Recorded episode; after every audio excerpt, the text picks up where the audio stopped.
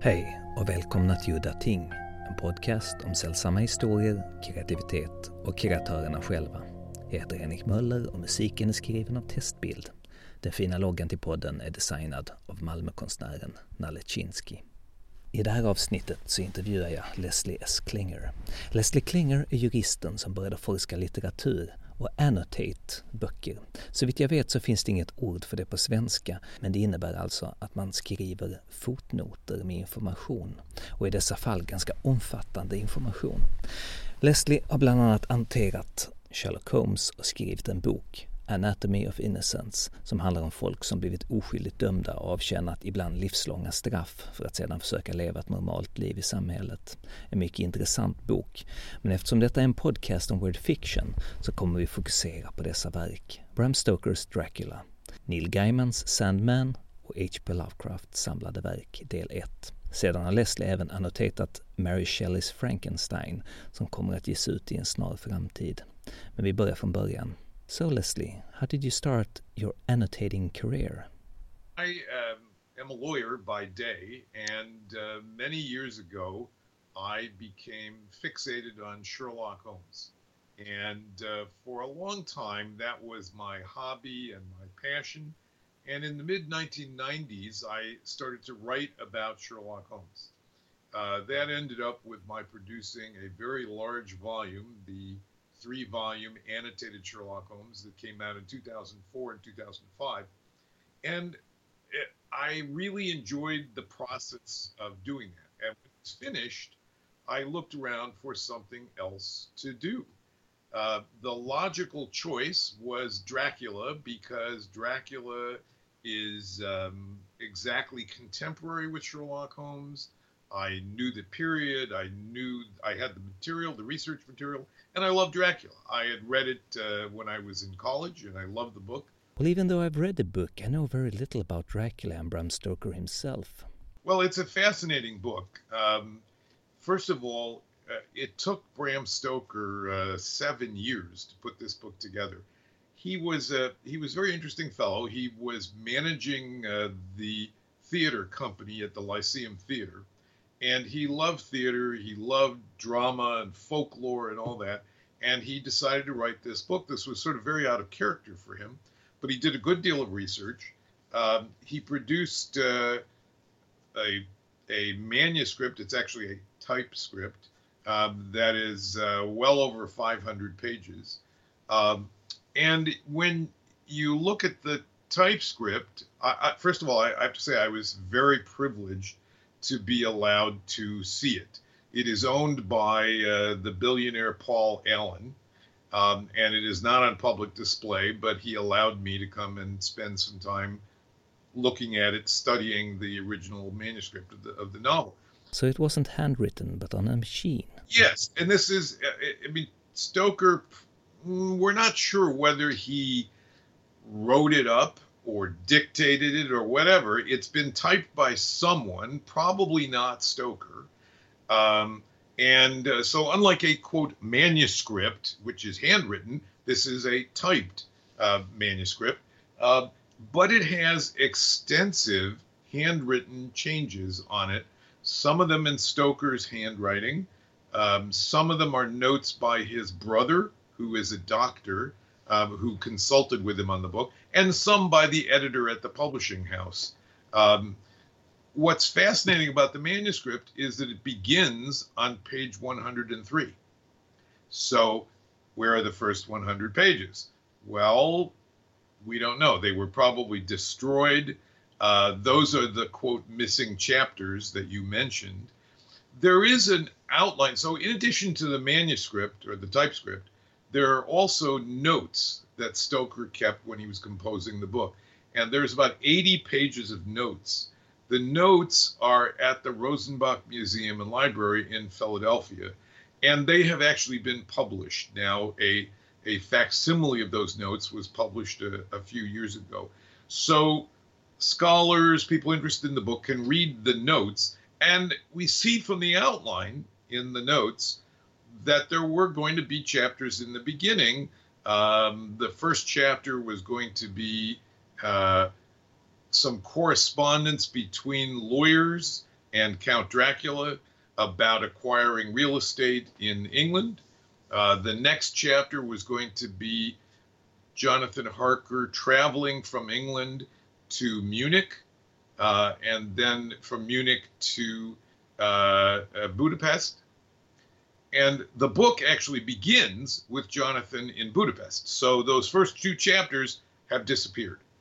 Now, some think there was a short story called Dracula's Guest that was published in 1914 by uh, Stoker's widow in a collection of stories.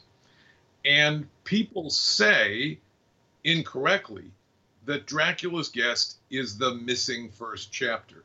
Well, first of all, if it was the first, it would have been the second chapter because it really covers someone's adventures in Munich. Um, and I believe that what the story represents is a rewritten version of the second chapter of the novel. There are many differences between uh, the story and the story of Dracula. The character is different.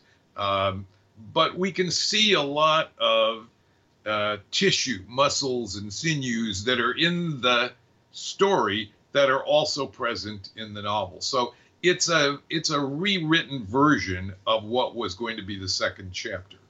Um, this is fascinating stuff if you are interested in this sort of thing. Um, the novel is not uh, what I would call carefully written. Um, it was notwithstanding that Stoker took seven years to write it. Uh, there are many sloppy bits. There are many things that got left in when he cut out other parts that accidentally got left in. Um, and when you look at the manuscript, you can see a lot of these changes, and it's, and it's very interesting. And in my annotated version, I have extensive footnotes explaining some of these things if you're interested in sort of the process of how a book came about. So, if Stoker wasn't a great writer and the quality of the work is so high, could it be that the editor helped him out and made changes to the story? I don't think the editor who worked on it from uh, the publishing house didn't make um, massive changes. I, I don't think that what happened was he sent in the manuscript and the editor read it and then sent it back to him and said, You need to rewrite this chapter, you need to do this. Instead, the editor just went ahead and marked things in the chapters. I mean, went ahead and actually changed words, crossed things out, put new things in. So it was kind of a collaborative process. Um, but uh, uh, it, fascinating. All of that is on display in the manuscript. I reproduced in my uh, annotated book um, a couple of pages of the manuscript. You can you can see the edits there. Um, and as I said, it's just fascinating to see sort of how this now immortal classic came to be, uh, and and in, in, a sense how sloppy it is in many respects. Uh, Stoker was not a great writer. Uh, how this book came about is still a mystery. How you had a, Stoker wrote um, 14 other books, and very few readers can name any of them. They are forgettable. Uh, they're not very good. Um, they're not very interesting. And then you have this masterpiece. Uh, where did it come from? Uh, how did I mean? You know, sort of what happened? Lightning bolt struck him or something? We don't know. So we can be sure it really was written by Bram Stoker. Yes, yes. And it's a novel that surprises people. People think they know Dracula because they saw the movies. Uh, and the book is very different from the movies, of course. And it's hard to read the book with a fresh eye. We're, we're so uh, influenced by the movies, by television shows, by our, our sort of um, impressions of what vampires are like. I find when I read it again, you, you want to be you you you have to stop yourself from yelling at these characters. You idiots! It's a vampire. Don't you see that? Uh, because we know that we recognize that right away because we've seen a hundred vampire films. Uh, but this was a very fresh subject back then, and I think it's a very scary book. If you get yourself sort of into the right mood to read it.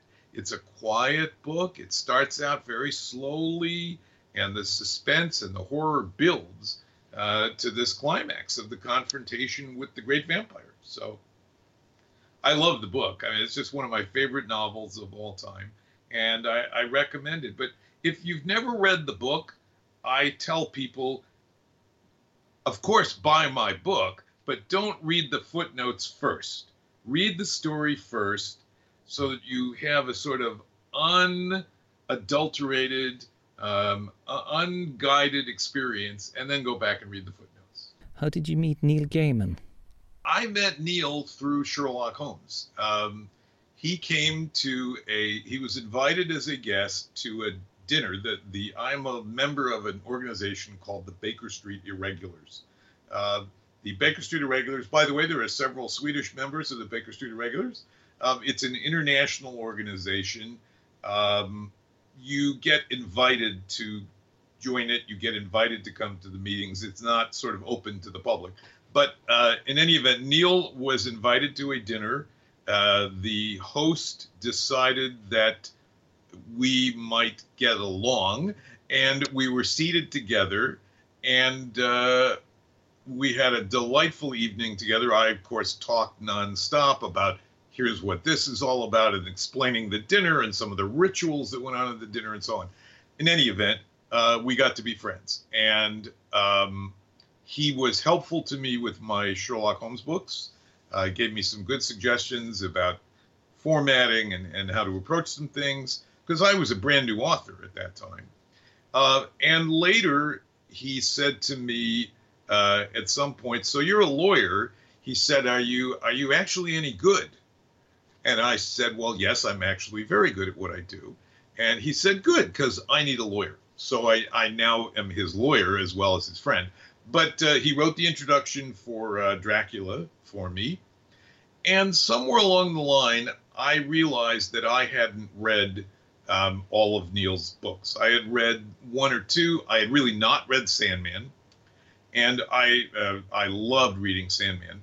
And it became a running joke between us that um, someday I would annotate, I would write footnotes for Sandman.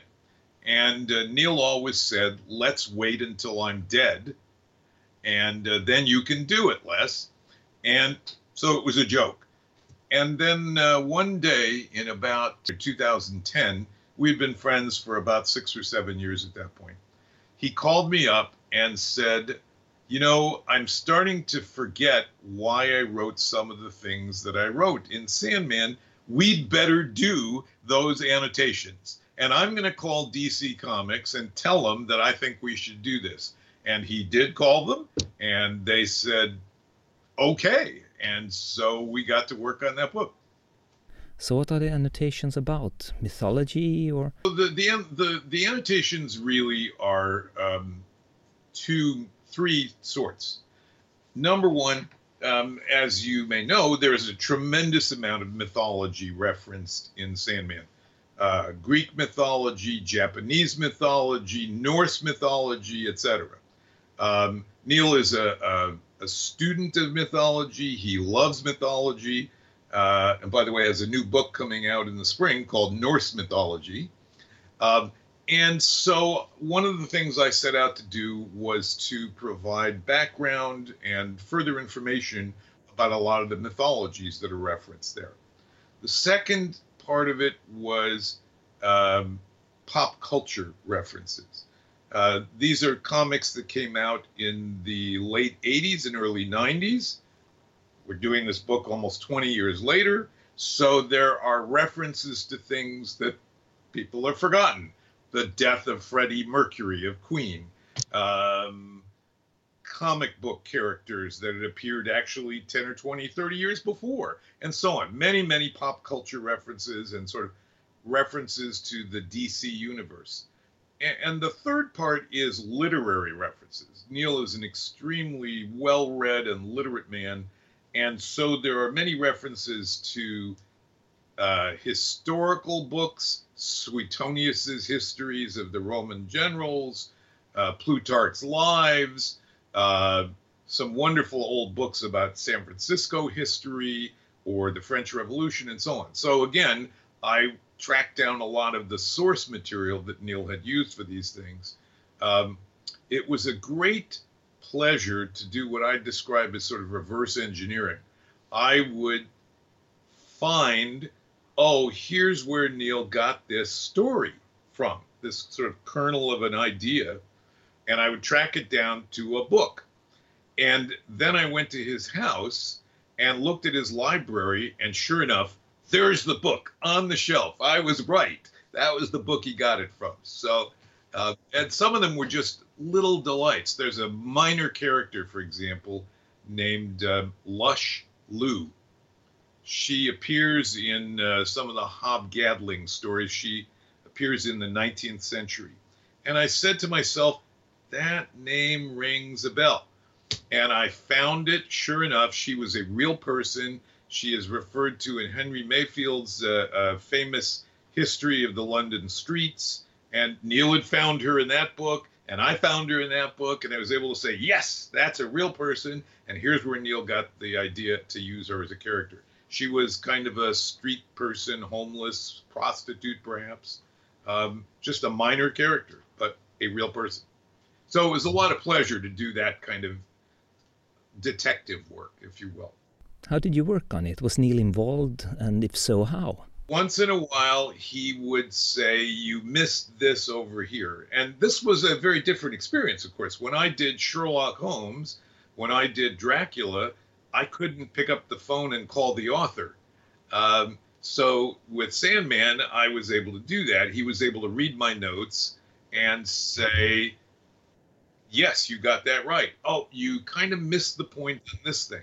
Um, there was one though where um, we actually had a debate. I was uh, trying to figure out. There's a character named Rose Walker, and I was trying to make some deductions about who was Rose Walker's father. It's not clear, and I had this theory that it was this particular person, and I ran it by Neil, and he said, "Hmm, that's really interesting. I never thought about it before." He said, your theory is as good as anybody's. Go for it. So we put that theory in the book. Is it all finished, or is there some volumes left? No, no, it's all out. It's all been published.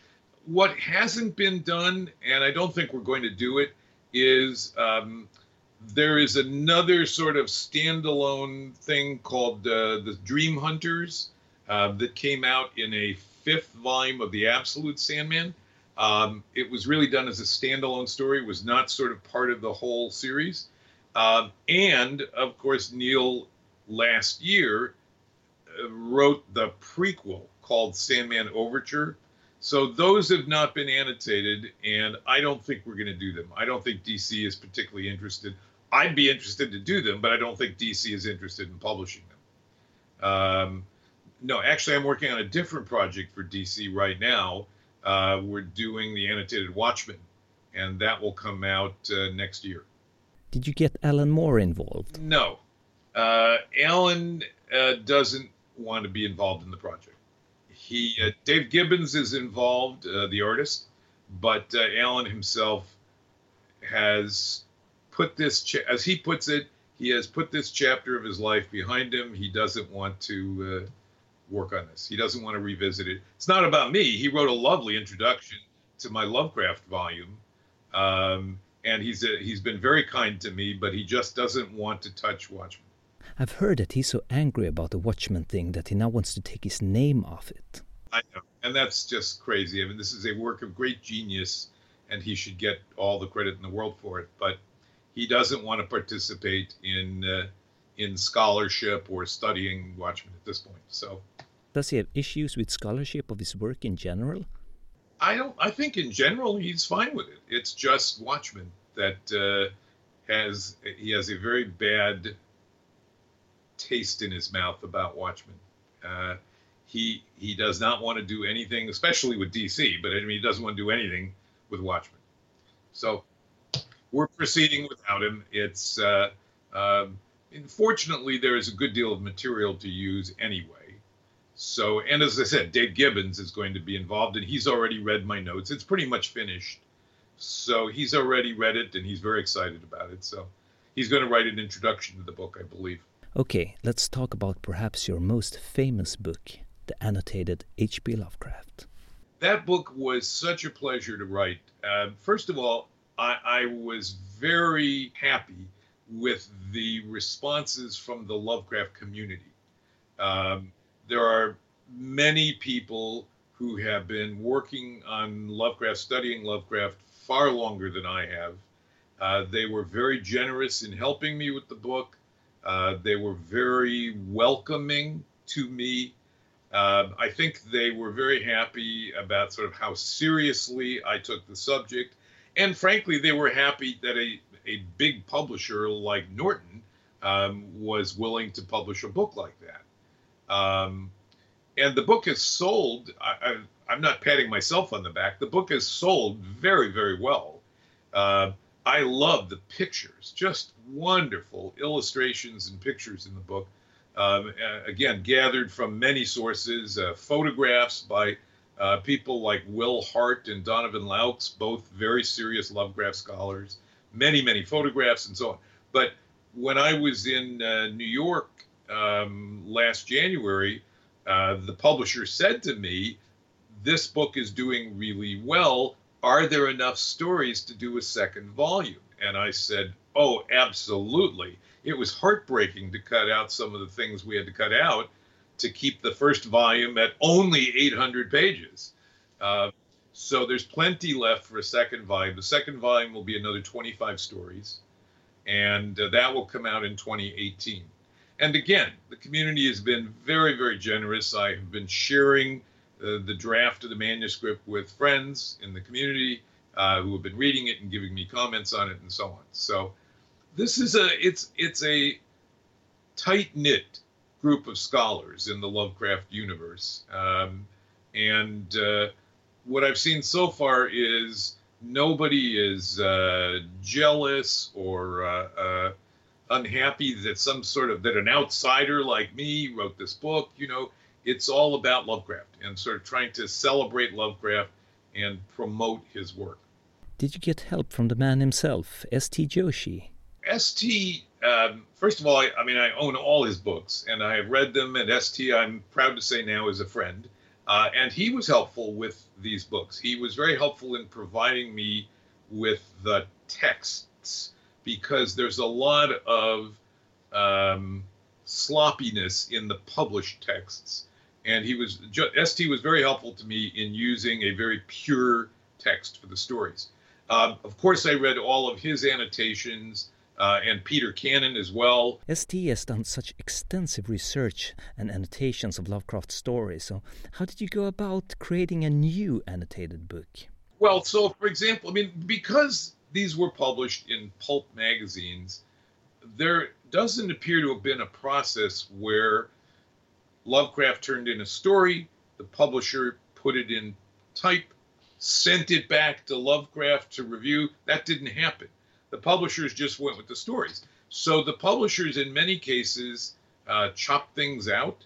Uh, they changed words, they shortened paragraphs, they rearranged things and all that without consulting Lovecraft. So uh, ST has done a great deal of scholarship going back to the original manuscripts, um, looking at different versions of the text, and trying to come up with it can never be definitive, but sort of the preferred clean text, the best possible text, closest to the manuscript, closest to Lovecraft's intentions. Um, and he's published those texts, but he also shared them with me in electronic form so that I could use them for mine. Uh, but ST's annotations, um, while they're very interesting, make very little use of other scholars' work.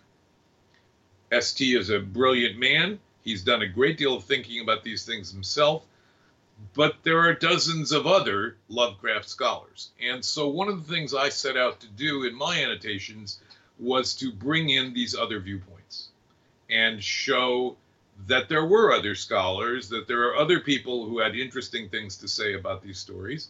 Uh, in some cases, I tried to say interesting things, but I don't really see that to be my job, particularly as an annotator. I don't have to be brilliant, I just have to be inclusive. Um, I have to try and reflect the range of scholarship on a particular subject. Uh, I did bring in material that others haven't talked about, but it was mainly historical background, cultural background, and so on. So the big difference between my annotated Lovecraft and ST's is that I used dozens and dozens of sources for the annotations in addition to ST's annotations. So, what were those annotations? Again, we're talking about stories that were written now uh, almost 100 years ago, 90 years ago, 80 years ago. And so people, you know, I, I look at you and I see how old you are. You have no memory of what a city was like in 1920 or 1930. Um, and maybe you've read some historical works that would inform you about that. But like any good writer, Lovecraft's fiction mirrors his own time. Um, and it needs explaining. What is this? What is that? Uh, he talks about the traffic in New York City. This is a minor thing. What was the traffic like in New York City in 1924? Um, were there lots of cars? Was it all horses? Was it taxi cabs? Was it, uh, you know, what? So um, there's that kind of thing. For example, there's a very surprising reference in one of the stories to daylight savings time. I don't know. Do you have daylight savings time in Sweden? Yes, we do. In one of Lovecraft's stories, he specifically says that it was 10 a.m. daylight savings time. And I said to myself, why is he making a point of it being daylight savings time? Well, there were reasons. Reasons were, first of all, at the time that the story was written, it was a new, it was sort of a very controversial idea. It was really implemented originally during World War One. It was supposed to um, make it easier for workers to go to work and produce more in the factories because there was sort of longer sunlight days. And it was about the war effort. It was about making getting more output out of the workers. Well after the war it was repealed. Many places but not every place. And so for example lovecraft's town of providence had daylight savings time but other cities did not. So it was kind of this interesting little phenomena, and Lovecraft had to say it was daylight savings time because in another part of the country it would not have been daylight savings time. Uh, anyway, so I wrote a long footnote, sort of explaining the history of daylight savings time and why Lovecraft would have mentioned it here that it was a local rule, not a state rule, not a federal rule, but a local city rule, which is very odd today. Today, it's all national. It's the federal government that says daylight savings time. But it has a long history and a very complicated history in the United States. So it's those kinds of literal bits of cultural history uh, or social history. He mentions uh, the assassination of a president. What president? Who was it? Well, why does it why does it matter and so on so the sort of the the little tiny bits of background that appear um, in lovecraft stories and as i say that appear in all works of great writing. They need explaining because we were remote from those times. What could you say is the main difference between the annotations you were interested in and st joshi's? I am not an academic. Um, st is uh, he's not an academic either. He's not a professor, but um, he certainly writes much more academically than I do. I view what I do as like the director's track on a DVD. It's supposed to be about making the books more enjoyable. That's that's what my philosophy is about writing a footnote. So when I write a footnote, I want it to be interesting. I want it to be something that the reader is going to say, that's really cool, or that's really fascinating. Um, I'm not interested in the biographical aspects, particularly, for example, unless they really are important. Um, I'm not interested, I, am not writing big essays about Lovecraft's philosophies and all that. So I'm not trying in these stories to show his themes, um, you know, that he's trying to sell certain philosophical ideas. That doesn't interest me. I leave that to the academics uh, and the writers like Esty. I am trying to, as I said, make the story more interesting, more understandable um, for, the, for the average reader. Jag förstod en sak om mig själv här och nu, att jag är mycket mer intresserad av Joshis forskning om Lovecraft och hans historier än Klingers. Trafiken, bilarnas anatomi, sommar och vintertid, bankernas välstånd och maten som serverades på 10-30-talet känns verkligen sekundärt för mig när jag läser Lovecraft. Men det är kanske det som intresserar gemene man, vad vet jag? Uppenbarligen enligt Klinger. Klinger kanske har en kommersiell poäng här. Fast allt som hjälper till att få fler intresserade av Lovecraft är ju av godo. So, you're mostly interested in social history and technical stuff, but did you find out something new that surprised you about Lovecraft himself? Well, some of it, um, actually, it, things that I haven't even shared yet, um, are in in the new volume. Um, for example, uh, the story Under the Pyramids. Uh, it's clear to me that Lovecraft got his hands on a Baedeker's travel guide and uh, I was able to find a lot of the same uh, descriptions or, or material in that, that's there. He has many, many details about Cairo and the pyramids and this and that in that story, and he drew them from this travel guide, and it was kind of fun to match them up. But I think one of the things that is the the aha to me, the biggest aha, is clearly how much research Lovecraft did for these stories. Um, take, for example, the case of Charles Dexter Ward. He did, it's clear, extensive research about the history of Providence, uh, the history of, of the colonies, and all that, because he has so many accurate historical facts in there. Real people, um, anecdotes about real people that appear in other people's histories, that appear in other histories. And uh, the same thing with um, At the Mountains of Madness. The, the details and the accurate details about science, geology, uh, geography, etc. He just did an immense amount of research for these stories. Uh, and you have to really feel bad for, you know, sort of how little he got paid for these stories uh, and how much work he clearly did. Um, so that that's really was the biggest aha was to see the evidence of how much research he had done um, and how accurate so many of the stories are about the science and the geography and the historical details.